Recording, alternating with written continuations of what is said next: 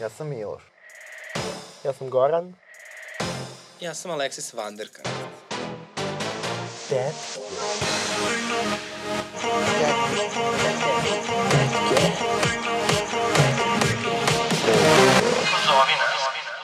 Dobar dan, vi slušate Tetke, moje ime je Miloš, na društvenim mrežama, odnosno samo na Instagramu armed dve donje crte unicorn. Sa mnom je moja... Uh, Alexis Vanderkant. Uh, I samo bih vam poručila da nema potrebe da pratite Miloša na društvenim mrežama, jer ćemo to kao i prethodne naloge hakovati Rusi i kačati slike golih žena i automobila. Ali možete zapratiti mene, Alexis Plastic ili Alexis Plastic donja crta na Twitteru i na TikToku Alexis Plastic, mada mi je TikTok koji sam postavila juče baš propao. Zdravo, ja sam Goran. Uh, Na društvenim mrežama možete me nađete na Instagramu konkretno uh, etvojinović.jpg, na Twitteru kao edseljančura i na TikToku kao edseljančuretina. A baš smo social media nudilje. Nudilje?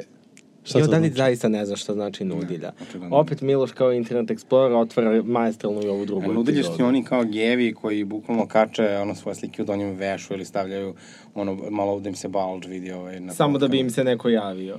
da bih neko muvao. Pa ja nemam takve slike na Instagramu. Pa ti do skoro nisi imao ni Instagram, ali dobro. Hvala Gorane.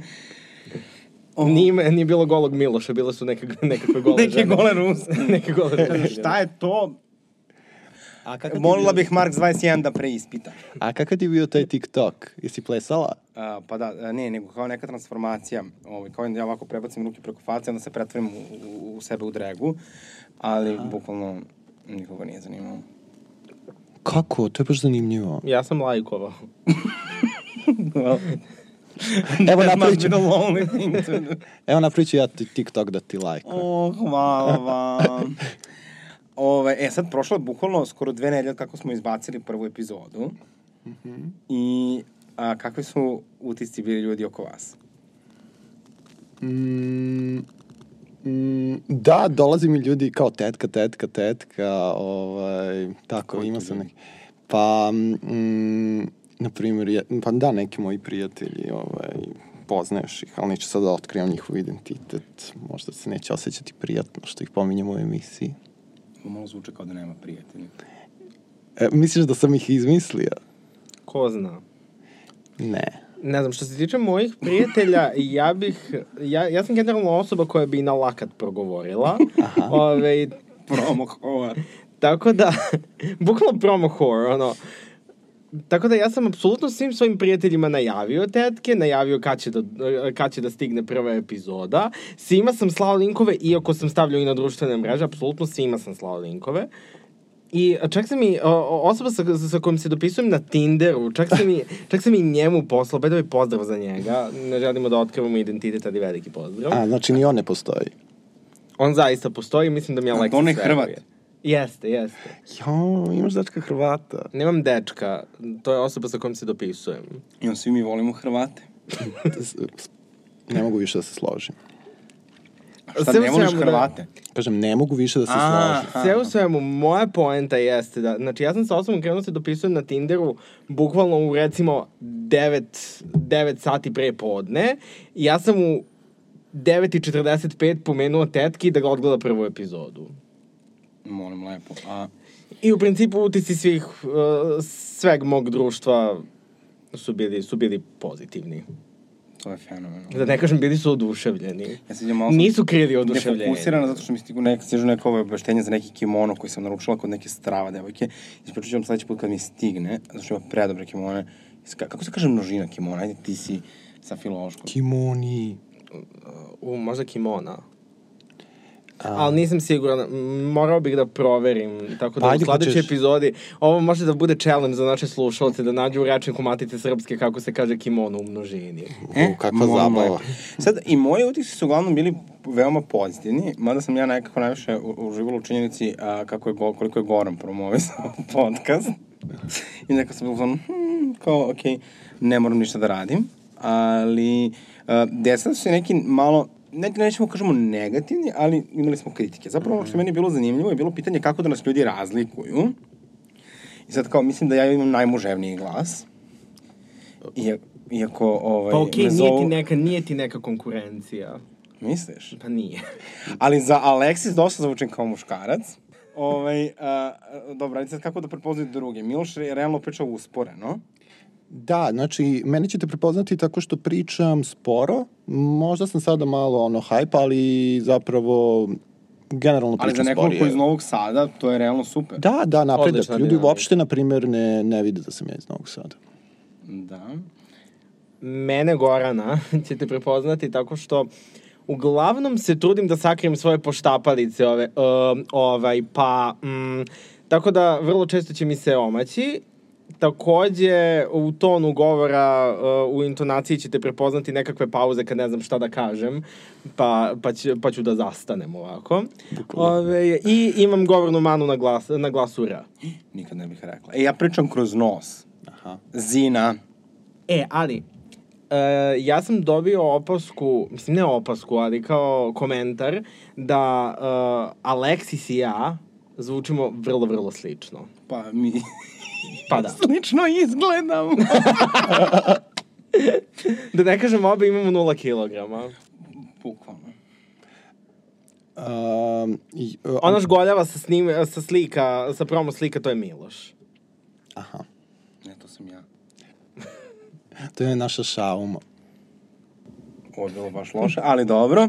E sad, još jedan, još jedan, još jedan su, ovaj, komentar koji smo dobili i meni je to sad vrlo zanimljivo, jeste kao, a zašto ste kao izabrali naziv tetke? To je malo mizogino. Ali zapravo, not really, zato što kao, ovo nije bila kao referenca na tetke kao vaše tetke, ove žene koje a, su, što su to, sestre vaših mama. Ili očeva, može i jedno i drugo. Ja, ja ne znam kako ti da komplikovam. Tetke su, tetke su sestre bilo, bilo kog roditelja. A šta su onda starine, ujačevi i to? A, strina ti je žena od strica, strina ti nije krvno srodstvo. A, takođe Nije nije ako ste ujna. porodica. Pa nije krvno srodstvo, zato što je ona, ona je Od- supruga tvog, Tvog- krvnog srodnika. Znači, ona je od srodnik. brata tvoga tate žena. Da. A ujna je od brata, uh, brata tvoje majke, žena. Žena. Formula Lady, bukvalno. Znači, Tako da, ne. tetka je jedino krvno I srodstvo. teče svuda ovo. Sve su tetke, svemu, Ove, ja- ja bih sa, sa svog fakulteta ove, iskoristio jedan pojam to, koji se zove sobstvena disfemizacija. To je kada uh, uzmete neki termin koji se koristi da bi vas šato uvredio, uzmete i prigradite ga.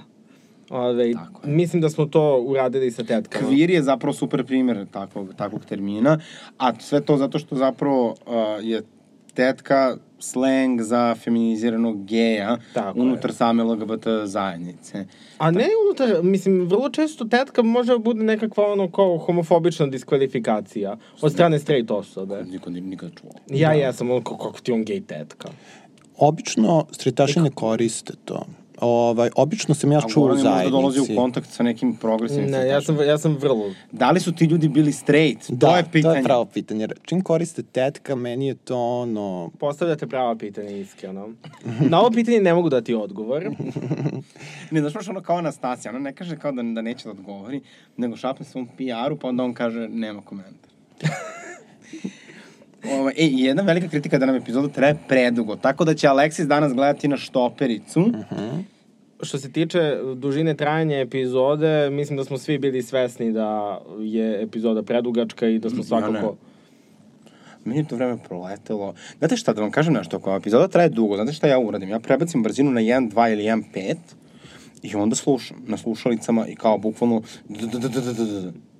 Ne znam, uh, meni se učinilo uh, kad kad sam saznao pred, uh, pre nego što je izašla epizoda, kad sam saznao da će trajati sat i po, činilo, činilo mi se da je to predugo, ali mi se isto tako činilo da je to kao samo kako je prva epizoda, pa dok se uigramo, a da svakako planiramo. Ma šta bre, idemo bre. Idemo bre, ma vidimo sata. se bre. Nedeljno popodne s tetkama. Tako je. Dobro. Sad, e, malo ćemo prelistati stvari koje su desile u posljednje dve nedelje, pošto je bilo dosta toga, ali nekako mislim da a, u duhu tetki, ovaj, treba da počnemo od toga šta nas žulja. Pa, šta vas žulja, mile moje?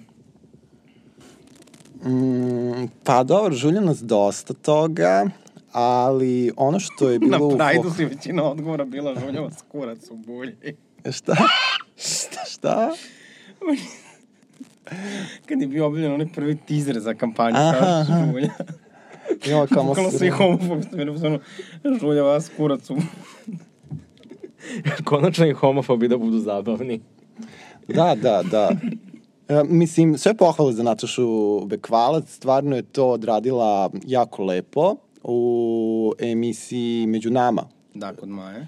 Da. I da, i kampanja super i već je potpisano, pod, pod, kampanju potpisalo preko 6000 ljudi, što je super. I znate šta je meni još šokantnije? Nema antikampanje. -huh. Ali ja moram da priznam da meni Nataša bila toliko preslatka. I bukvalno ne mogu da zamislim da postoji osoba koja je više trebalo da bude a, ono kao z- ambasadorka te kampanje od Nataše Bekvalac. Jer nekako njena podrška LGBT zajednici nikad nije bila nešto previše kao in your face, nikad nije rekla ja sam podržavala geve, ja sam... Ne mislim ni na koga posebno, ovaj, i nikad neće zaboraviti meni jedan omiljenih njenih momenta kada je bila ona pucnjava u Orlandu i kada je ubijeno bilo preko 50 ljudi u, u gej klubu. Uh, i, da, i neki li, ona to okačila kao neki post da je napisala par reči o tome i neki lik je napisao kao šta ti braniš ove bolesnike, nešto je napisao samo puši kurac. Da, meni je to bilo apsolutno ikonik. Ja baš se sećam toga, ono, baš sam tad krenuo da, mislim, ja sam uvek volao Natašu Bekvalac, a mislim da je tad bio trenutak kad sam baš krenuo da ono što bi na Twitteru rekli da je stanujem. Ako želite vidite kako izgleda moja ljubav prema Nataša Bekvalac, možete ukucati Nataša Bekvalac Pride 2016, ja mislim. Da, Aleksis, vidjeti- Aleksis se malo izgubila. i čitate komentare iza. Ali Nataša je bukvalno posle došla i mi smo se slikali. Pa lepo. Bila je mnogo slatka. Da, i taj intervju, baš ona je baš jedna ovako nenametljiva saveznica i, a, i Maja je dosta pomogla u toj emisiji. Da, i Maja je bila super. Super je bila, onako kad je Nataša ispričala tu ličnu priču e, kako su njenoj ćerci neki Jo, da, to je bilo rekli, preslatko. kao njeni neki drugari, njene ćerke e, rekli kao mama ti se druži s pederima, S pederčinama. pederčinama i onda Maja koja dolazi ovako, sram ih bilo. I onda Nataša kao nešto hoće da kaže onako, sram ih bilo. I opet je ponovila i bilo je baš onako teatralno. Mislim da, ta- da ta ljubav između ono, LGBT zajednice i cishet žena kao je bukvalno nešto najče na svetu. Da. E, nas spaja taj feminitet. Misliš da je to? Ja mislim da je to. Ja bih samo da iskomentarišem što se tiče kampanje Štana Žulja. Mislim da je to jedna od jedna od zapravo redko ovoliko uspešnih kampanja od strane neke LGBT organizacije, jer je nekako je prodrala i do ljudi koji nisu nužno ni deo aktivizma, ni, niti se druže nešto preterano sa LGBT ljudima, ali nekako odzvanje i kod njih nekako mislim da razumeju.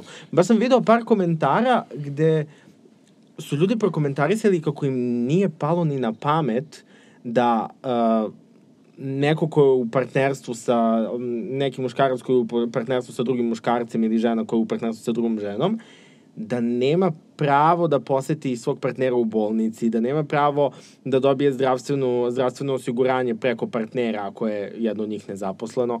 Ljudi takve stvari ne znaju. I iako, uh, iako aktivisti konstantno pričaju o tome, nekako nema ko da ih čuje, jer uvek postoje ti dverjani koji su kao mnogo glasni, koji će krenuti da, da ti zagovaraju neke teorije o svemoćnom gej lobiju koji želi da zavlada svetom. I mislim da je, ovo kam, da je ova kampanja nekako uspela da prodre do onih ljudi koji su negde okej, samo nikada nisu razmišljali o ovim temama. Mislim da je naš problem sa e, to što mi mislimo da stritaši o nama misle u, u onoj meri u kojoj mi sami o sebi mislimo. Oni prosto, mi moramo da skapiramo da oni o nama ne misle. I, mor, I moramo da im objašnjamo neke stvari za koje si ti u fazonu ono kao, ovo je toliko basic, zar zaista treba da govorim nekome ovo, tako je očigledno, ali njima nije očigledno, jer oni o nama uopšte Ne misle. razmišljaju, mislim, Da. što... Ali što mislim da je to kao zapravo, da se tu, tu uspeh u ove kampanje i one prošlogodišnje ne odričam se koja je bila vezana za da se zna onda i za Pride, a, zapravo krije jedan veoma važan faktor koji treba da se istakne, to je McCann, agencija McCann, koja je zapravo koncipirala obe kampanje i to u popunosti besplatno. Ovaj, I oni su takođe veliki saveznici i ono, marketinški geniji, uh -huh. ovaj, koji su fenomenalno iskoristili svoju kreativnost. Oni su da bi došli do ove uh, kampanje sa Kamenčićem, uh, imali 40 ideja različitih. Ne znam, meni je ovo fantastično. Ovo je fa- zanima me koje su druge ideje bile. Uh, Baš pa, malo- to bismo morali da pitamo njih. Da, da, da, ali kao baš me zanima, kao od 40 ideja smo došli do ovog, ovo je stvarno fenomenalno, ali možda je bilo i nekih ono A šta, šta mislite, koliko, koliko potpisa će skupiti ova, ova peticija? Mm, pa možda dogoramo do 10.000, a? Pa mislim da to baš realno, mislim, mislim sam nešto ambicioznije. Ja iskreno ne bih davao nikakva predviđanja, zato što obično, to, to je, e, kao što ne bih mogao da dam predviđanja oko toga koliko će biti slušana druga epizoda Tetki. Zato što kada je nešto, kada nešto tek krene, onda ljudi masovno, kao na primjer, mi smo došli do hiljadu slušalaca, preko hiljadu slušalaca, preko hiljadu slušalaca na prvoj epizodi i neizmerno vam hvala na tome. Ali nekako već kada izbaciš drugu epizodu ne znaš kako će da se odvije. Tako, Po dobro lagat ćemo da nas sabotiraju, rećemo da nas uh, Biljana Srbljanović sabotira.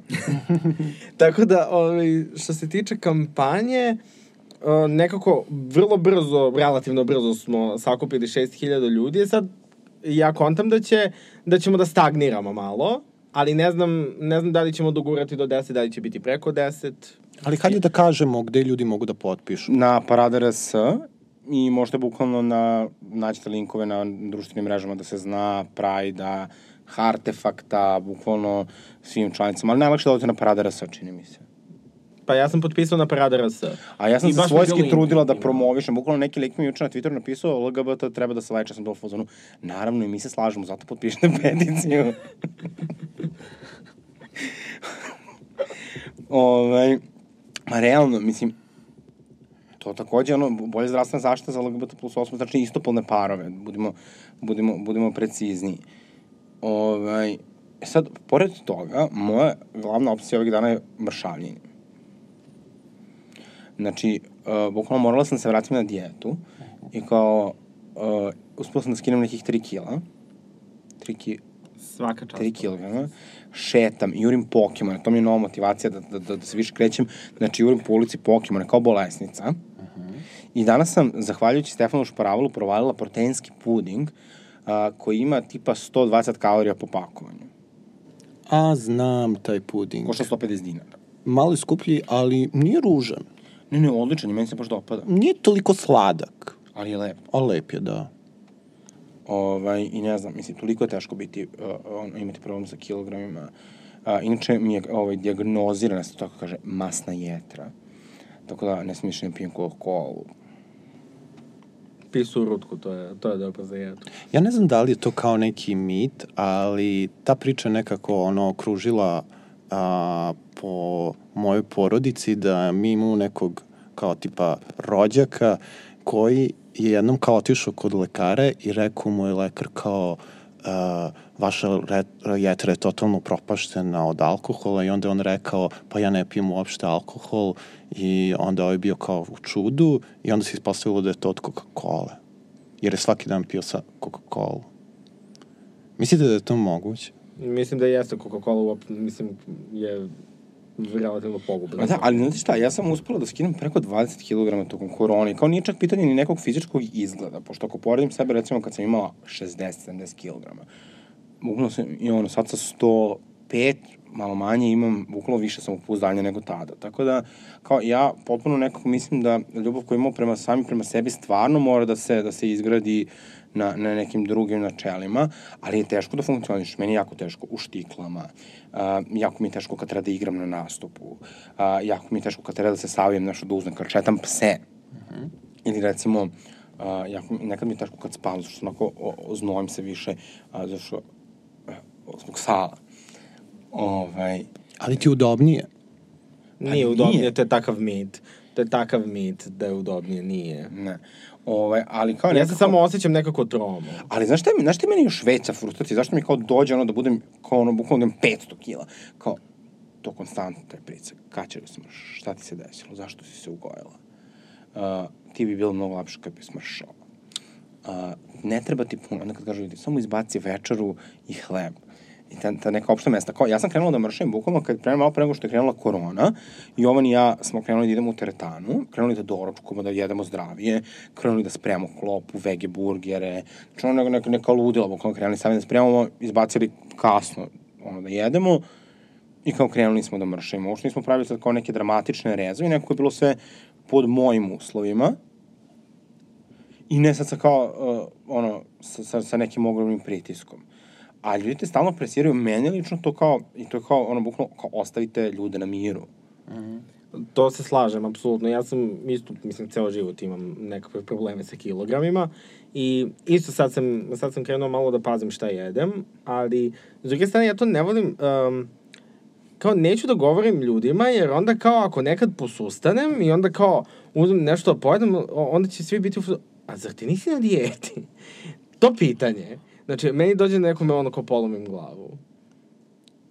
Ja sam imao I feel you, sis. prilike prošle godine da ovaj, budem na Ilginoj konferenciji, da budem na radionici koja je baš posvećena kao kvir, ono, e, kao ono anti-fat shamingu i e, ne, radionici gde je bilo dosta ljudi koji su ono veliki i tako i pričali neka svoja iskustva. Ješ veliki ljudi kao ako karakterno. Karakterno i telesno takođe.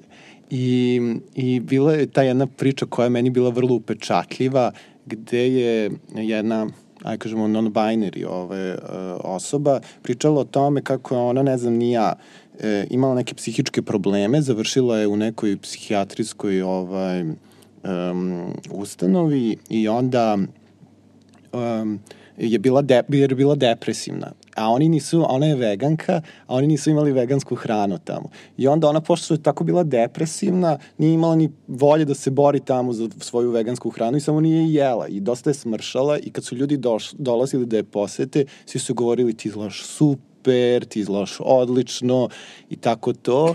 A ona je bila u fazonu, kaže, ona se nikad nije osjećala gore, razumeš? Ona kao bukvalno bila u najgorem momentu u svom životu i kaže, nakon što je izašla, primetila i kako je kao i partneri drugačije tretiraju.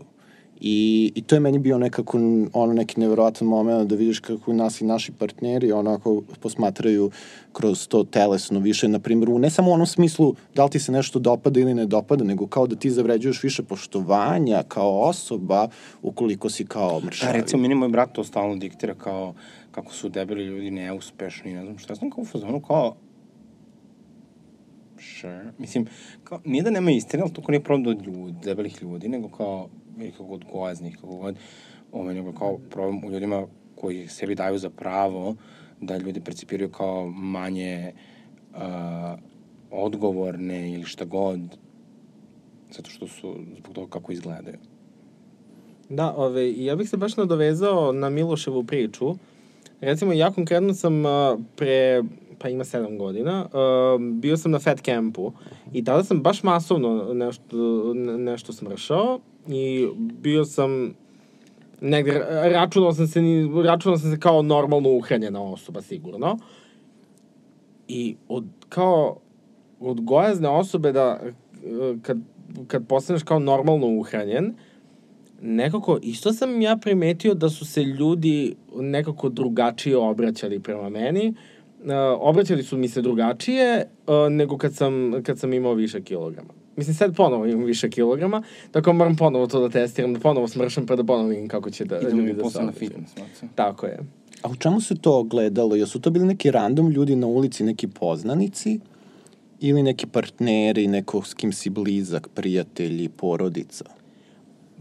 Konkretno ima, e, im, baš sam našao primjer jedne osobe uh, koja je bukvalno godinu dana pre nego što sam smršao, e, koja se ponašala užasno prema meni. I onda kad smo se nešto na nekoj grupnoj bleji videli, kad sam, kad sam već smršao, nekako potpuno druga priča. Aha, znači više neki poznanik. Da, da, da. Inače, Alexis, čujem da si se negde svađala sa nekim tiktokerima. Da li može da nam kažeš malo, malo više o tome? Pa ja sam se svađala sa mnogim tiktokerima, Ovaj, madam Ima ja TikTok tri dana. Mislim. A ne, ja sam svađao, ja sam svađao sa TikTokerima na Twitteru. Ovaj, a to je bio Vanja Fotović koji je ovaj, krenuo da priča a, nešto o tome kako nam ne treba Pride, dok je mazao neki sjaj za usta. Kako pedero ne podržava Pride? Pa lijepo, zato što Meni ni, nitko nije ni jedno moje pravo nikada uskratio. I on kaže da nama ne treba pride i da ne treba da tražimo da usvojamo decu, jer onako bi ta deca pretrpela, preživala torturu zato što imaju gej roditelje. I kao, dosta to uči debelno, ali se potom uvredio na moju, na moju kritiku i na Bonžinu kritiku. Pa je to okačio isto na svoj TikTok i nešto, neki opet jako glupe komentare. Ali nisam se samo ja svađala Samo sa njim. ovaj, da uputim gledalce, uh, Bonži je, Bonži B, u pitanju je Twitter profil, ovaj, fan profil Dari Bubamare, divan profil na Twitteru. Ali nisam se samo ja svađala, tako da mi samo, bukvalno, pošto svi kažu kao Aleksi se svađa sa ovim, sa ovim, i ti si se svađala. Jesam, jesam, boga mi. Uh, ja sam zapravo napravio uh, jedan onako vrlo shady TikTok na temu, na temu Vanja Fotovića, gde nisam pomenuo njega, ali sam pričao o njemu. I rekao sam, po, um, pričao sam o takozvanim, kako ja volim da ih zovem, pederima kvislinzima, koji su tako kao uh, pederi protiv ljudskih prava, pederi protiv prajda, pederi protiv usvajanja deca od strane istopolnih partnera. Zvuči kao gays against Trump. Misliš Again- gays for Trump? Ne, against. Nema veze. Ne. Šta su to neki kao još gori od Trumpa? Ne, pa to su ovi demokrate. Nebitno. Da, reci. Sve u svemu, meni je jako, meni je uh, jako zabavna ta tema uh, gejeva koji ne podržavaju praj, ne podržavaju da imaju ljudska prava i tako dalje. Kao Stefan Subotić i Vanja Fotović. Da, da, da. Ali to su isti pederi koji onda kad postanu malo manje bitni na društvenim mrežama, krenu da, da grle tu svoj zajednicu kao, jao, ja sam gej, meni je teško, znaš, kao, uh, ovaj, imaš Stefana Subotića kao, ja nikad ne, ne forsiram da sam ja gej, bla, bla, i onda kao dođe na TikTok i kao vidi da ti polo Akinu prolaze te, fo, te kao odgo- odgovore na hate komentari, onda on, on can, onda kao odjednom svi njega mrze zato što je gej i bla, bla, truć, truć, kao, to ti je bukvalno, su samo kao, ako mene pitaš kao ljudi koji su ozbiljno neemancipovani, a istovremeno dovoljno privilegovani da ne moraju da budu emancipovani, I onda kao će sve da urade za, za par lajkova. Taj lik sebe naziva, taj Vanja Fotović sebe naziva gej ikonom. Mislim, gej ikona možda na njegovoj planeti majmuna, mislim. Ali dobro, dobro, mislim, gledaj, svi smo mi nekada bili ili nismo u tim nekim fazama. Ja se sećam, na primjer, ja kada sam bio na početku svog aktivizma, da sam ja isto takođe imao dosta Čoče, ovo je ograda. neka bre, Ali neka, ovo je, neka, ovo je osoba koja je bar 30 autovana, godina. koja je autovana već ono kao 10-15 godina sigurno. Misliš da ima više od 30 godina? Iskreno nemam pojma. Ali mislim da ima, da ono kao kasne 20. Ja, ja bih tako rekao. Ja bih rekao tamo negde pre otprilike nekih 8 godina. Čekaj, ti znaš ko je Vanja Fotović? Da, pa pročitao sam članak iz večernjih HR, ono o njemu i o čitavoj tom momentu, ovaj, on je zapravo protiv Zagreb Pride rekao i svidio mi se tu jedan komentar ovaj, jednog lika koji je primetio da je on kao, uh, on kaže u tom svom da... e, Ovo je OK Pride i postavi sliku Zagreb Pride-a, a kao ovo, je, ovo nije normalno i onda postavi nekakve fetišare iz recimo ono, ne znam, Kalifornije. A onda je protiv Zagreb Pride-a, ali ne samo to, nego on kaže, mene niko nikad nije napao zato što sam ja gej i tako to. I onda kaže, ali nisam za to da gejevi usvajaju decu jer će njih napadati u školama. Da, da, da, da, da. da. Mislim, čoveče kao opredeli se. Jer Nažalost, napadaju paranoidna gejevi- šizofrenija. Mada, ja bih, uh, ja bih nekako voleo da, uh, voleo bih da spomenemo taj argument protiv usvajanja dece kao to i deci će biti teško u školi, njih će da maltretiraju. E, to sam teo da kažem. Meni je to zapravo jako, meni to zapravo jako zanimljivo argument, jer s jedne strane, vrlo je nekako pun razumevanja, vrlo je, uh, vrlo je nekako saosećajan, ali kad malo zagrebemo, šta se zapravo krije iza toga? Jer, okay, kao, dete gej roditelja će sigurno da maltretiraju u školi, ali valjda treba da postoji, valjda treba da naviknemo druge ljude da na postojanje dece od strane gej parova, da bi to bilo normalizovano, da bi i Ali decu, kao generalno, maltretiraju u školi, ako su geji, ako su im roditelji geji, ako su im roditelji siromašni, Ako ako su debeli, ako nose naočare. Da. Kao, bukvalno, naučite svoju jebenu decu da ne maltretiraju drugu decu u školi. Onda Prvo to. potom, da, da ono kao ljudi koji imaju bilo kakav utjecaj u prosveti, da izgrade sistem koji će biti bezbedniji za svu decu, a ne da deca, da se podrazumeva da deca izlaze iz škole sa traumama. Ali Vanja Fotović je nešto slično rekao, ne naravno ovaj drugi deo, ali baš je nabrojao to kao deca zajebavaju drugu decu zato što imaju naučare, imaju ovo, pa niko od njih nema kao pride. Kao, imao je tu poziciju kao get over it. A Vanja Fotović needs to get over himself.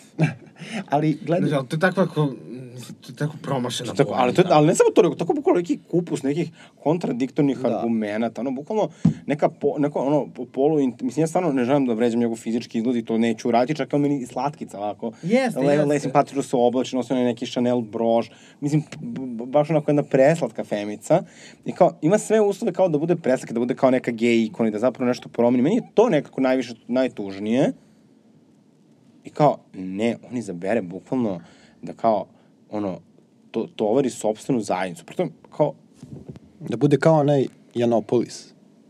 On je Milo Janopoulos. Da. On je promašena priča, ona je promašena poenta, znači... i sad još jedna zvezda ove nedelje na, na društvenim mrežama je bila Ljupka Stević. Oh boy. ovaj, Ljupka Stević je, nakon što je saznala da je njen momak, Ne, zapravo to je jako, to je mnogo bizarnija situacija od toga. Koliko sam ja ukopčao, uh, Ljubku Stević je varao njen ljubavnik. ne, ne, ne, ne, nije on njen ljubavnik, ona je njemu ljubavnica.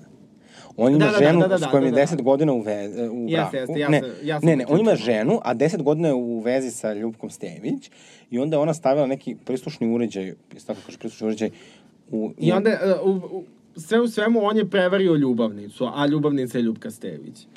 A Ljubka jako- Stević je inače pevačica, koja ima duet sa Snoop Doggom. Da, ima s Snoop Doggom, a pored toga još možda hit i po. Ili nula. Ima jedan hit, on je Ljubi, ljubi dok si mlad, to je stvarno bio veliki hit, 2012. do duše. Ovaj, I onda je ona njemu bukvalno razbila kola. I to postoje snimci na Instagramu, dakle i komši su snimala i ona je sama snimala, a su tada je promenila priču, rekla da to je bila neka devojka koja je isto obučena kao ona. Ne znam, ja sam samo, uh, ja nisam vidio taj deo gde ona negirala. Sad ne znam da li se... Ja sam to čitala na kuriru. A pa dobro. Onda je sigurno To tačno. Ma da, to su svakakvi izvori.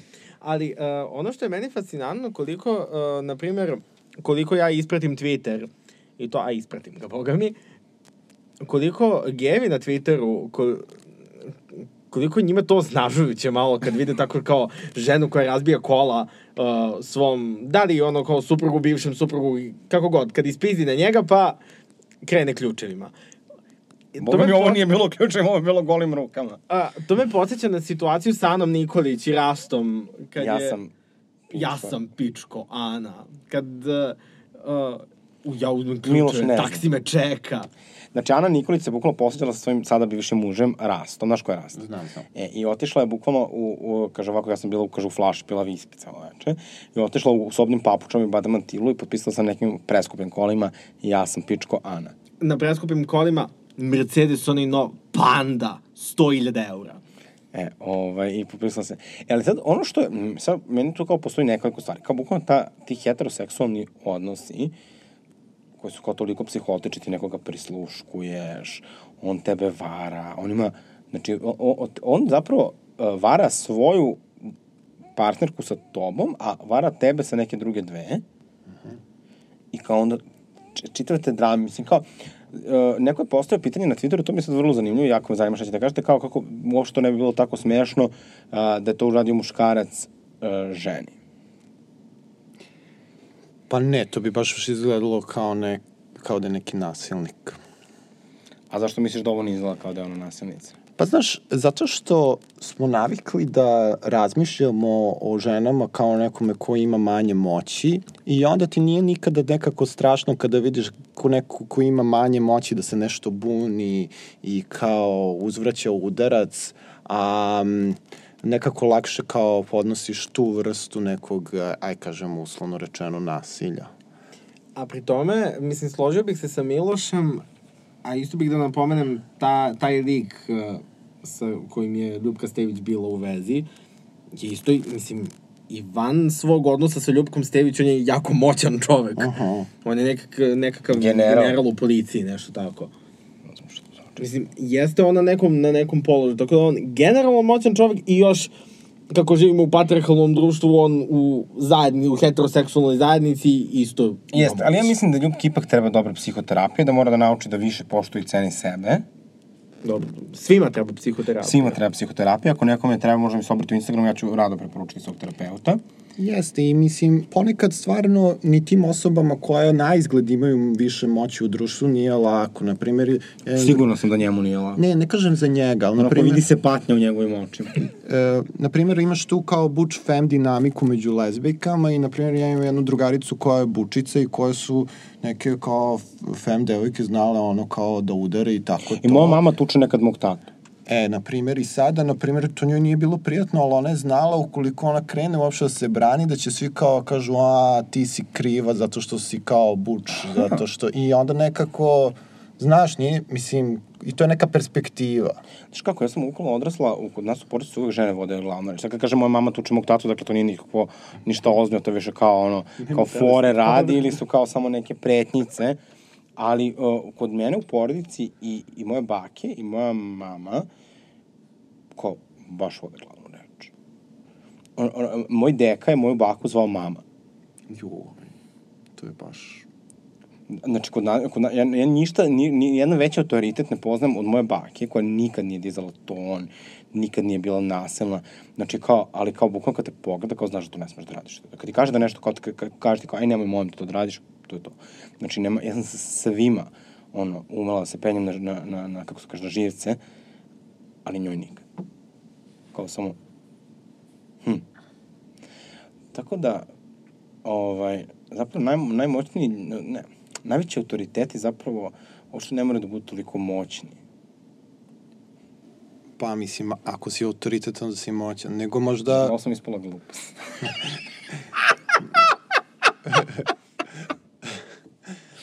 Um, možda ono kao, nisu ono usual suspects. Tako? Dob, dobar predlog. Pređemo sada na našu glavnu temu, to je odnos radnog i slobodnog vremena. Kako vi izlazite na kraj sa time? Da li um, vam dominira slobodno vreme u životu ili radno vreme ili imate savršeni life uh, work balance? Ne znam, meni je ova tema vrlo bliska trenutno, s obzirom na to da su bili vezani ispitni rokovi, koji su sada, hvala Bogu, gotovi, ali uh, bili su vezani ispitni rokovi i onda sam ja tako bio, ne, ne znam gde ću pre, uh, tako da uh, ja sam baš loš primer uh, organizovanja svog, svog vremena, s obzirom da ja kad imam nekakve obaveze, ja neću odraditi obaveze odmah da odradim obaveze pa da pa da im da uživam u svom slobodnom vremenu, nego ću ja uzeti da malo imam slobodno vreme, malo ću da se teram da odradim svoje obaveze, pa tako u poslednji trenutak ću da odradim šta treba, nekad i ne odradim i tako. Ali mislim da je to bukvalno baš klasika kad si dalje ovaj, u, ovaj, student ili srednjoškolac. Ja nekako to me baš podsjeća na srednju školu i na, na, na, na taj neki ono, fakultet, na taj mučni period kad se, kad se obrazuješ. Jer kao mislim da nema ništa gore od toga. Dakle, we don't need no education. Ali moj veći problem je zapravo što nekako, čini mi se što više radiš, što se više posla stvara.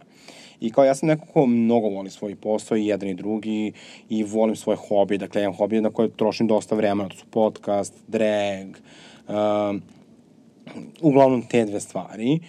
Ali kao, ne znam, čitanje i tako dalje. Ali ja nekako imam taj problem da bukvalno, čini mi se nekad radim svaki dan i ako ne radim, ja sam onda u panici što ne radim.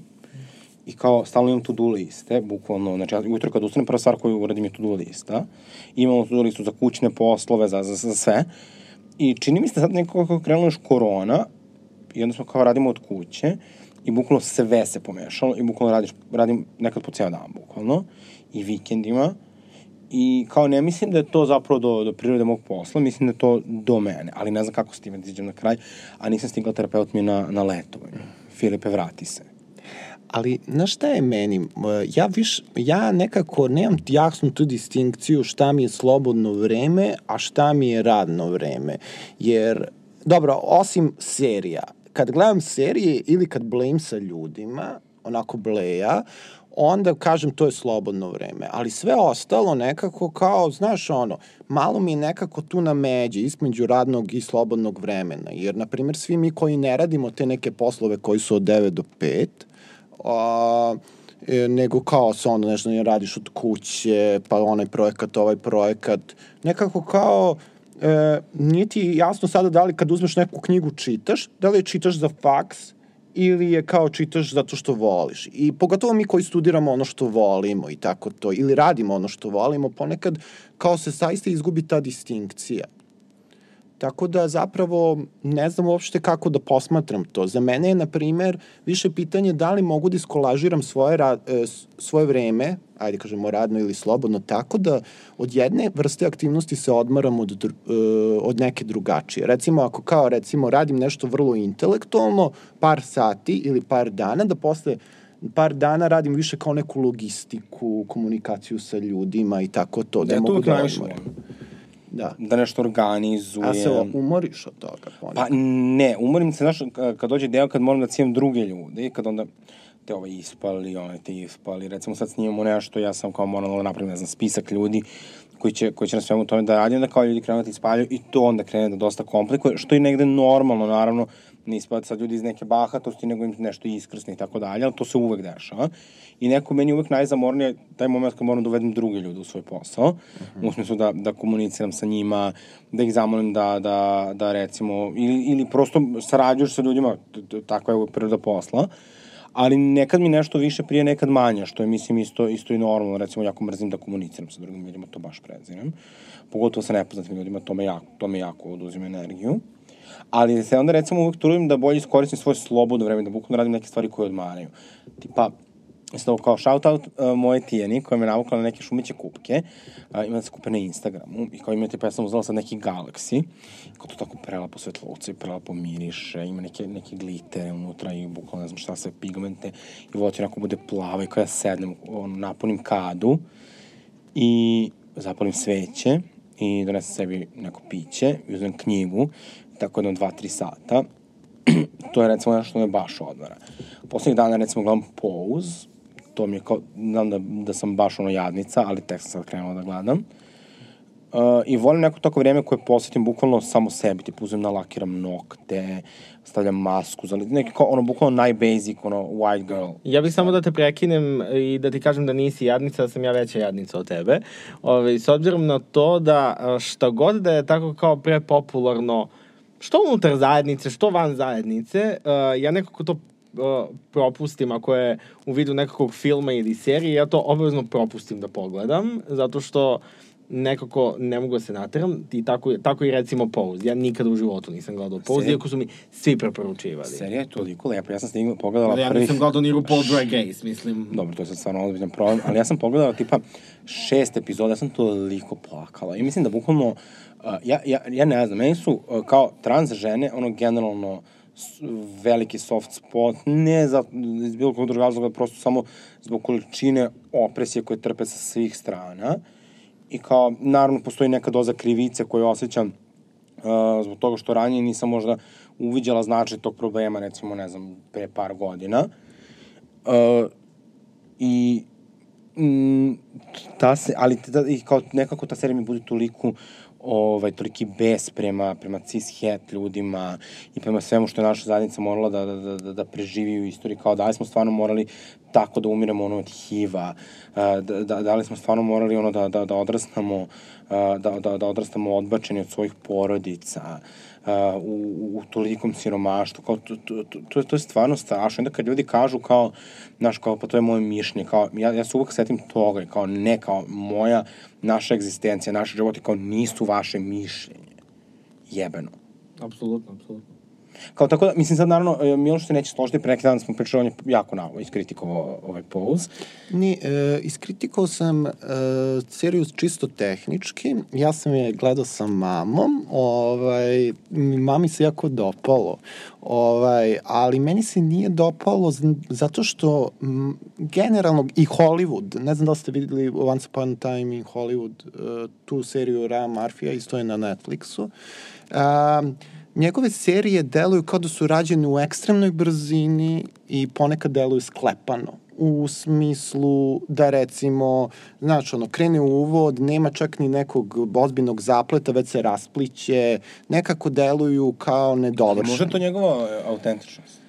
Pa, deluje više kao propust. Um, i- Ali to karakteriše sve njegove serije, ako se gleda nekad American Horror Story i tako dalje i tako dalje. Ove, tako da, mm, ni- ni- nisam baš siguran, ali ono što bi ja sad, mislim da isto kao, sad malo ću prekinuti ovu temu pauzu, Ja bih samo da kažem da ove, uh, vas dvojice raspravljate oko toga kakva je polu serija. Ja sam očigledno ona osoba koja pravi crtu ličnosti od toga kao, znaš kao, znaš ja nisam gledao igru prestola, niti nisam to gledao. ima pošane. Ja to ne pratim. Možda- ali da- kreće nova serija njegova. Ratchet, Da, krenula je Miki. da, da, krenula Na je. Netflixu. I ako ne želite da propustite, u sredu izlazi na Netflixu takođe The Boys in the Band. Ne znam da li ste gledali taj film. Ne. Od par geva koji se okupljaju kao na nekoj žurci u nekom stanu i onda isplivava uh, sav haos iz njih. Ovaj, to je jedan stari, stari film, ja mislim, ono, ne znam da li iz tipa 80-ih ili tako nešto. I sad je urađen remake. Ovaj, tako da u sredu izlazi. Pošto ja moram da vodim računa o vremenu, hvala ti Miki, pogledajte film, raspravit ćemo o serijama i kasnije. Ono što htela da pitam je kao, uh, drag je moj hobi, kao ja jako držim do, do njega. Da li vi imate svoj hobi? Jer mislim da je to neko pitanje kao da li imate svoje neko slobodno vreme. Ja to često pitam ljude na Grindru. Možda zato nemam dečka. Znaš, ja, kad mi neko kaže hobi, to je meni u mojoj glavi ono, skupljaš markice, skupljaš Salvete. leptire, salvete. To je legitimno. Ne skupljajte životinje, Ne, više mislim kao neka osmišljena aktivnost koju si ti kao posvećen. E, ne mogu da kažem da imam tako nešto, ali kao definitivno imam neke stvari koje radim u slobodno vreme. Jer može gledanje serija ili recimo Može. filmova da bude hobi. Može. Ali nekako mi to nije ono kao hobi. Hobi je kao nešto mnogo više promišljenije. Kao tipa, Ne mora idem da i znači. planinarim i sakupljam, ne znam, paprat. Ali ne mora da znači, ja recimo volim isto svako jutro kada ustanem, ja prvo otvorim Medium i kao vidim šta mi je dan preporučeno tekstova, pročitam i kao to, to ono kao isto baš, baš nešto, ono što mi je ono, pa, što volim. Mhm. Kao tako da mislim da ne mora da bude nešto čime se baviš 100 sati godišnje. Ono, možda Ali ne sme da bude plaćeno. To je poenta. Mislim da da. Može i da bude plaćeno. Ne, ne, može da bude, pa zavisi, mislim, može ako si neka prekul influencerka.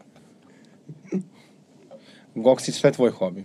Ne znam, ja nekako nemam nešto pretjerano vremena za hobi, ali nije, ali to je i dalje samo izgovor, jer ja u principu, Zabavljaš ljude, to ti je valjda hobi. pa okej, mo- može se reći, ajde. Pa čekaj, je ovo nama hobi? Pa ja bih rekao da jeste, meni jeste, meni podcast jeste hobi. Ali ono što sam hteo da kažem, ja uh, svoje slobodno vreme ne znam nikako da organizujem, ja se osjećam loše što kao ne radim stvari koje, koje sam obavezan da uradim, mm -hmm. jer ih ne radim na vreme. I onda tako nemam, nemam negde tu prostora da manevrišem svoje hobije, da kao oni postoje tu konzistentno i da, uh, i da postoje nekako da postoje nekako, uh, kako da kažem, znaš kao, svaki dan kao odvajam vreme za neki kao svoj hobi. Ali znaš šta, zašto to? Zašto si ti mlađi od nas? A vrlo moguće. Vrlo moguće. Mada ono što sam radio pre korone i pre uh, striktnih, um, striktnih pravila o- oko okupljanja, pevao sam u horovima, to sam baš volao. Ovo zvuči kao drkao sam po javnim WC. Ali dobro. Da, baš onako kao neku... Pišite nam, pišite nam obavezno uh, u komentarima ili gde god možete, pišite nam poruke koje hobije vi imate. Ovo inače što čujete u pozdini su Miloševi kompjuteri, ako čujete. E pa, drage moje slušateljke i slušatelji, došli smo i do tog trenutka kada svako od nas izabere svoju ličnost koja je obeležila koja je obeležila period od prethodne dve nedelje.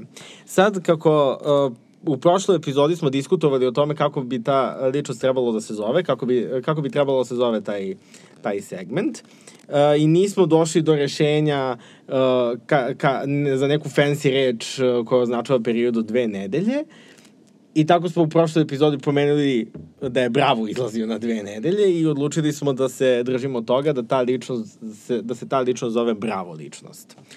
Pa bih ja sada pitam Aleksis i Miloša, uh, koja, koja je ličnost obeležila koja ličnost vama obeležila prethodne dve nedelje, to jest koju ličnost biste izvojili kao, kao svoju bravo ličnost? Da, ali e, hoće, moramo posle da glasamo, prošle puta nismo da glasamo koja je ličnost nedelje. Ok, može. Ovaj, moja ličnost nedelje je naravno Nataša Bekvalac, zato što je uradila jednu strava stvar. Pritom, kao ne samo to što je lansirala kampanju uh, štanda žuvalja i što je kao nekako uh, sada na vrhuncu svojeg, uh, svog savezništva sa, sa LGBT plus zajednicom, njoj je prošle nedelje bio i rođendan. Tako da, Nataša, srećan ti rođendan ako slušaš, mada verovatno ne slušaš. Jo, to znači da ona devica. E, pa tu sad ne znam ali možete da je čestite rođendan. Srećan rođendan, Nataša. Srećan rođena Nataša Divna si obožavamo te. I, ovaj, i šta je još nešto? A da, izašao je uh, DVD njenog koncerta. Tako da, ovo je to nekoliko prelepih stvari i nekako mislim da stvarno, uh, ja jako podržavam i to što Nataša se inače dosta bavi pravima životinja, pre svega usvajanjem pasa mm. i dosta zagovara i tu ideju. Uh, nekako, ona je meni onako jedna prava, ono kao, ako bi, uh, je Britney Spears America's Sweetheart, Nataša Bekvalac je ono Serbia's Sweetheart i kao bukvalno jedna oličenja, jedne predivne, jednostavne, dobrodušne pop zvezde koja je pritom kao bukvalno kad dođe na scenu da zvezdetina. Ja bih se složio sa Alexis.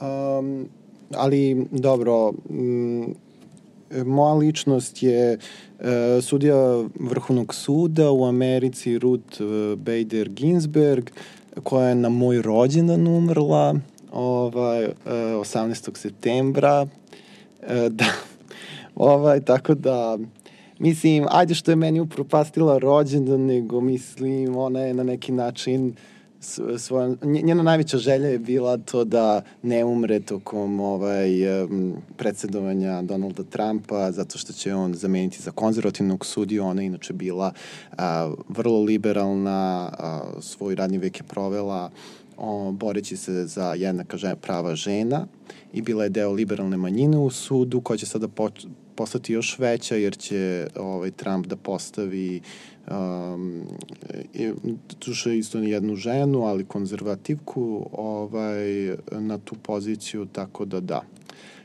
Um, mislim, mislim da je to no. nešto što je žao mi je što je ovaj um, Ruth Ginsberg umrla, ali ovaj tako je nažalost i ovo i, i nekako se tako zadesilo da je ona već treći sudija koju ima uh, Trump priliku da postavi E, tako da će taj vrhovni sud um, um, američki osta, o, otići baš radikalno u desno, tako da nećemo u skorije vreme videti tako progresivne presude poput one e, kojima su legalizovani. Samo ako republikanci, ne ali možda ako Trump izgubi ove izbore, uh, možda ovaj, to bukvalno se, ovi krenu da, da republikanci krenu, ne znam. Oni su doživotno na toj funkciji, tako da zapravo uh, se sve e, razrešava tako koji predsednik e, je u momentu kad neki vr, sudija Vrhovnog suda umre tada na poziciji da ga postavi. Ali ovo mi je baš jako lepo, jer mislim da mora da postoji ta jedna kultura pamćenja i sećanja i slavljenja nekih ljudi koji su ostavili jedan pozitivan trag u istoriji. I meni nekako sad kad o tome svemu pričaš, meni uvek nekako zaboli činjenica da kvir zajednica u Srbiji, uh, mi nekako nemamo neku veliku arhivu naše istorije, I meni to uvek bude žao, pošto uh, postoje toliko, postoje toliko ljudi koji mislim, i danas živi, evo ove godine slavimo 30 godina LGBT pokreta, mog, morali bismo bukvalno epizodu da posvetimo tome. I recimo, naravno, tu je Nebrigić koji je kao bio strašno hrabar, u kom postoji jako malo informacije i, i bukvalno jedina veća informacija knjiga koja postoji o njemu, koju je uradio Žuc, zapravo to su i odlomci njegovog dnevnika i, i tako dalje. O... Samo gledalce da, to je slušalce da uputimo žuc je organizacija žena u celom. Tako je, ali postoje ljudi, recimo postoje ljudi kao što je uh, Agata Đurić, mislim, koja je jedna od osnivačica Arkadije, koja je fantastična aktivistkinja, jako obrazovana, jako pametna, jako hrabra. I kao, uh, koliko zapravo ljudi zajednici danas znaju o njoj, a ona lično, svaki put kad sam slušala Agatu, prva dre kraljica u, u, u, na ovim prostorima, antiratna aktivistkinja. Kao, a zapravo gomila ljudi u zajednici mladi danas ne zna, a ne samo što su njene priče važne, nego su i znat, uh, strašno osnažujuće.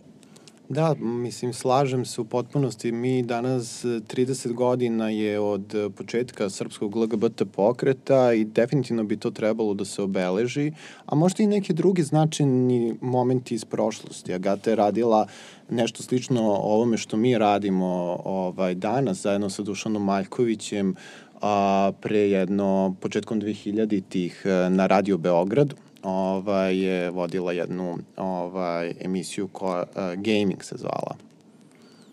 Tako je, tako da uh, hashtag know your history. E, da, Ima jedan super hashtag u Americi, I have pride in your history. Evo, pošto ja jedini nisam odabrao svoju uh, bravo, mislim nisam izrekao svoju bravo ličnost u, ovaj, koja je meni obeležio protekle dve nedelje, meni je sad malo bez veze uh, nakon o, ovoliko kao ozbiljne i dirljive teme ovaj, uh, kao što je ova sutkinja uh, Ruth John Bader Ginsburg i uh, kao što je ono začeti aktivizma u Srbiji. Mi zvuči kao kad Dara Bomara govori ne Ray Awards kod Boke 13 emisiji. Ne. Kao, kako? Ne Awards. Sve u svemu, ja bih da, ono, ja bih ipak kao vratio na estradu i rekao bih da je moja bravo ličnost Nataša Bekvalac, jer zaista obeležila mi je, obeležila mi je protekle dve nedelje, mislim, njena, njena uključenost u ovu kampanju na šta na žulja je meni bila, meni bila genijalna. Ali to je takođe, mislim, jedan jako važan aktivizam. Sad možda kao Nataša jeste privilegovanje time što je kao, ali mislim kao i, i, i, i ova Ruth je isto privilegovana, mislim. Tako da ne radi se tome, radi se prosto, mislim da je to vrlo važno. Meni je lično Natašna podrška vrlo, ja nju doživljam vrlo emotivno i romantično i ja sam onako sva zatreperim kad, ka, ka, kad vidim Natašu Bekvac kako je dobra, i kako je bu- bukvalno presveta. E pa, dakle, drage moje, došlo je taj trenutak da proglasimo Bravo ličnost druge epizode i to je, dakle, Nataša Bekvalac presveta. Čestitamo. A, e, ali kad smo kod ovih e, pevačica i Nataša Bekvalac, razlika između Nataše Bekvalac i ostalih pevačica, ti si to dobro nekako pokazao u jednom svom tweetu, a, gde si rekao, sve pevačice imaju LGBT prijatelje, stiliste, frizere, menadžere i tako dalje, ali vidimo ali vidimo ko je spreman za svoje prijatelje i saradnike i da se zauzme. Znači, nije dovoljno reći samo uh, ja imam kao gej prijatelja. Naravno, naravno. I um, ono što uh, aktivizam Nataše Bekvalac, gde, uh, gde on još bolji, jer kao, uh, mi svi znamo da apsolutno sve naše pevačice i pevači imaju nekakve LGBT saradnike, ali kao, ja tačno tu vidim uh, kome uh, ti gej saradnici zvuče samo uh, služe samo da im budu sredstvo da ono kao odjavu pitanje o gej pravima i da kao, ma imam ja gej prijatelje, a koje u fazonu kao, e, ja imam gej prijatelje, možda ja mogu za nekoga od njih nešto da uradim. Možda, uh, možda u meni leži nekakva moć da uh, njima bude bolje. I mislim da je to jako plemenito. Jel očekujete to od svojih stri drugarica, da se zauzme? Pa, iskreno, kod mene postoji uh, ono kao ul- ultimatum, kako ne dođeš na Pride, ja nisam toliko oštar kao, kao Alexis, ali svakako da očekujem da se moje drugarice zauzmu za mene kada ja imam nekakav problem, pogotovo ako je vezan za ako je vezan za mene kao pripadnika LGBT populacije. I zaista sve moje, baš kao bliske drugarice su, su se zauzimale za mene. Sad, sledeći tweet koji ćemo pročitati je Brenda from Finance, jedno veliko srce za nju. I ovo sad baš nije tako duhovita tema, ali mislim da je važno da, da, da, da se ovo pročita. Juče sam imala na jednoj slomi, završila u Lazi. Tamo me doktor isprozivao jer, nisam, jer imam mnogo tetovaža i rekao je da su me više tukli, bila bih bolja. I ja onako nalekana pobegnem, pa me jurila policija, dakle, main character Sati. Uh, ono što je kao jezivo, kao ona je kasnije okačila ovaj, i taj izveštaj od lekara, dakle tu zaista piše uh, da ona ima puno tetovaža i kao, ja sam onda pričala sa, sa nekim prijateljima, pozdrav za Nikolu Planovića, koji mi je rekao zapravo da to uopšte nije uh, redkost kod nas. Da psihijatri zapravo kao to upisuju, da li ako recimo uh, kažete da ste autovan LGBT, oni to učitavaju kao egzibicionizam, isto tetovaže, piercinge. Kao, mislim, prosto je nevjerovatno gde mi živimo i kao uh, ono, koliko ljudi sa mentalnim problemima, a, a bukvalno svi ih imamo, ovaj, uh, ono kao ne mogu ni da dobiju adekvatnu podršku od države. Meni je samo fascinantno uh, taj psihijatar koji je ono tolike škole završio da bi uh, da bi sve to mogao da tako kao samo pregazi zarad nekog kao patriarchalnog mišljenja od 3 dinara.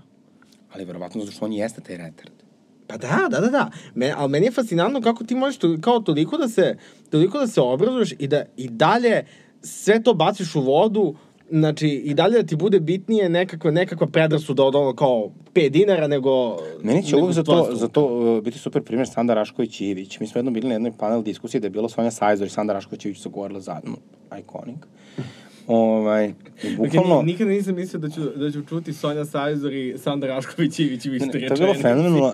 Znači, nakon dva sata diskusije, Sanda Rašković Ivić i dalje nije mogla da shvati da je Sonja Sajzor trans žena, da je trans rodni identitet, a da nije lezbijka. Ona, ona je hiljadu puta rekla, ja bih voljela da Sonja i njena partnerka budu srećne, da, da niko ne napada.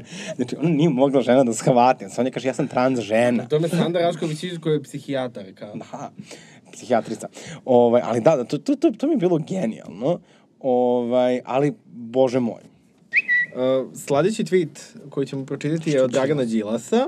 Kaže, upravo voditeljka dnevnika N1 reče da uh, novinar pre, uh, prati uh, unutarstranačke izbore u demokratskoj stranci. Ama ljudi, pa kako možete da to zovete izborima u demokratskoj stranci? Shvatite li, uh, shvatate li da, uh, isto to, da, da isto tvrde svi Vučićevi mediji? Podrška Lutovcu, Dragani Rakić i svim pravim demokratama. Iskreno moram da budem, bukvalno, Đilas je Vučić za siromašne. Ja moram samo da kažem, mislim, kao to bavljanje demokratskom strankom, e, meni je jako cringe kad vidim uh, to prepucavanje oko toga kome pripada demokratska stranka. U 2020. koga briga, demokratska stranka je propala pevačica.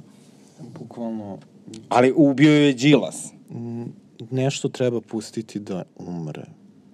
Pa ja ne mislim da demokratska stranka treba da umre i meni je zbog toga jako žao kao neko ko je bukvalno odrastao ovaj, uz, uz taj DS i, i ono, meni, meni je žao da to vidim, to se zvuči tako romantično, ali to ipak jeste tako. Bukvalno tu stranku su razorili egomanični ljudi i, i, i Dragan ali zato tu malo više kao tračevi, ovaj, ali neke stvari koje znamo od, od jel, svojih poznanika i poznanica, ali svejedno je jako nedostojanstvena situacija sa demokratskom strankom i bukvalno dokazuje koliko je naša opozicija ono, jad i čemer, ali u demokratskoj stranci danas postoje fantastični ljudi. I evo, ovo možemo da, da završimo i ovu Twitter rubriku i nekako vreme je da, pošto sam ja večeras ovaj, time menadžerka, e, da izvedemo neke zaključke iz ove epizode. Uh, šta, sa kojim biste porukom uh, vi završili? Pa odvojite svakog dana malo vremena za neki self-care, to može da bude tako kao Alexis, dobro, baš ne mora da bude 3 sata u kadi, ali, To je bukvalno jednom u mesec dana. aha, a ne, ja, ne, ja sam rekao svakog dana. Slušajte naš podcast jednom nedeljno, recimo ponedeljkom, utorkom možete kupku, uh, sredom. A ne, ja, ne, ja sam rekao svakog dana. Slušajte naš podcast jednom nedeljno, recimo ponedeljkom, utorkom možete kupku, uh, sredom, I možete da spojite kupku i podcast. recimo. Samo pazite da nam telefon ne upadne u vodu. Da. Ja bi se složio, ove, ja bi se složio sa predlozima da ljudi treba da, da slušaju naš podcast. Uh, ja sam u, u duhu toga, naravno, svim svojim prijateljima ispreporučivao ovaj naš podcast. Znači, baš sam bio promohor, kao što sam i rekao na, na početku same emisije. Tako da, ono, slažem se sa vašim komentarima. Ja bih samo za kraj uh, da uh, najavim uh, sledeću epizodu koja će biti po mnogo čemu specijalna jer ćemo imati po prvi put počasnu tetku. Prvu počasnu tetku. O čemu se radi, saznaćete blagovremeno, ali ja sam tu da najavim. Uh, da li je to možda Biljana Srbljanović? Hm. Zadovoljstvo u tetkama. Tetke u zadovoljstvu. Uh, dakle, kao što je Goran Morao, rekao... morao bih da razočaram slušalce uh, zadovoljstva u tekstu, nije Biljana Srbljanović. Ali to ne znači da neće biti. To ne znači da neće biti u budućnosti, mi pozivamo Biljanu da dođe kod nas u emisiju. Ja mnogo volim Mi smo da... evo došli kod nje u gluvu sobu. Ja mnogo volim da ovaj, gledam njene intervjue i to je kao, tako da volao bih da, da nam se nekada pridruži. A, eto, umeđu vremenu slušajte naš podcast, slušajte Biljanu, čitajte Remarker, da se zna blog, pratite nas sve na društvenim mrežama i možete, mislim, da naćete nešto pametnije da radite svoj životom, izađite iz kuće malo. Takođe, ove, osim što možete da zapratite svaku od tetki na društvenim mrežama, možete da zapratite i sam podcast imamo uh, za sad Facebook, Twitter i Instagram. Na svim platformama je username uh, Tetke podcast. Znači, at Tetke podcast. Dakle, uživajte u danu, popijte čašu proseka, vina, Coca-Cola, vode. Stavite Tetke na repeat. Potpišite peticiju na Parada RS za građanska partnerstva. Mua. Ćao, čao. Ljubim.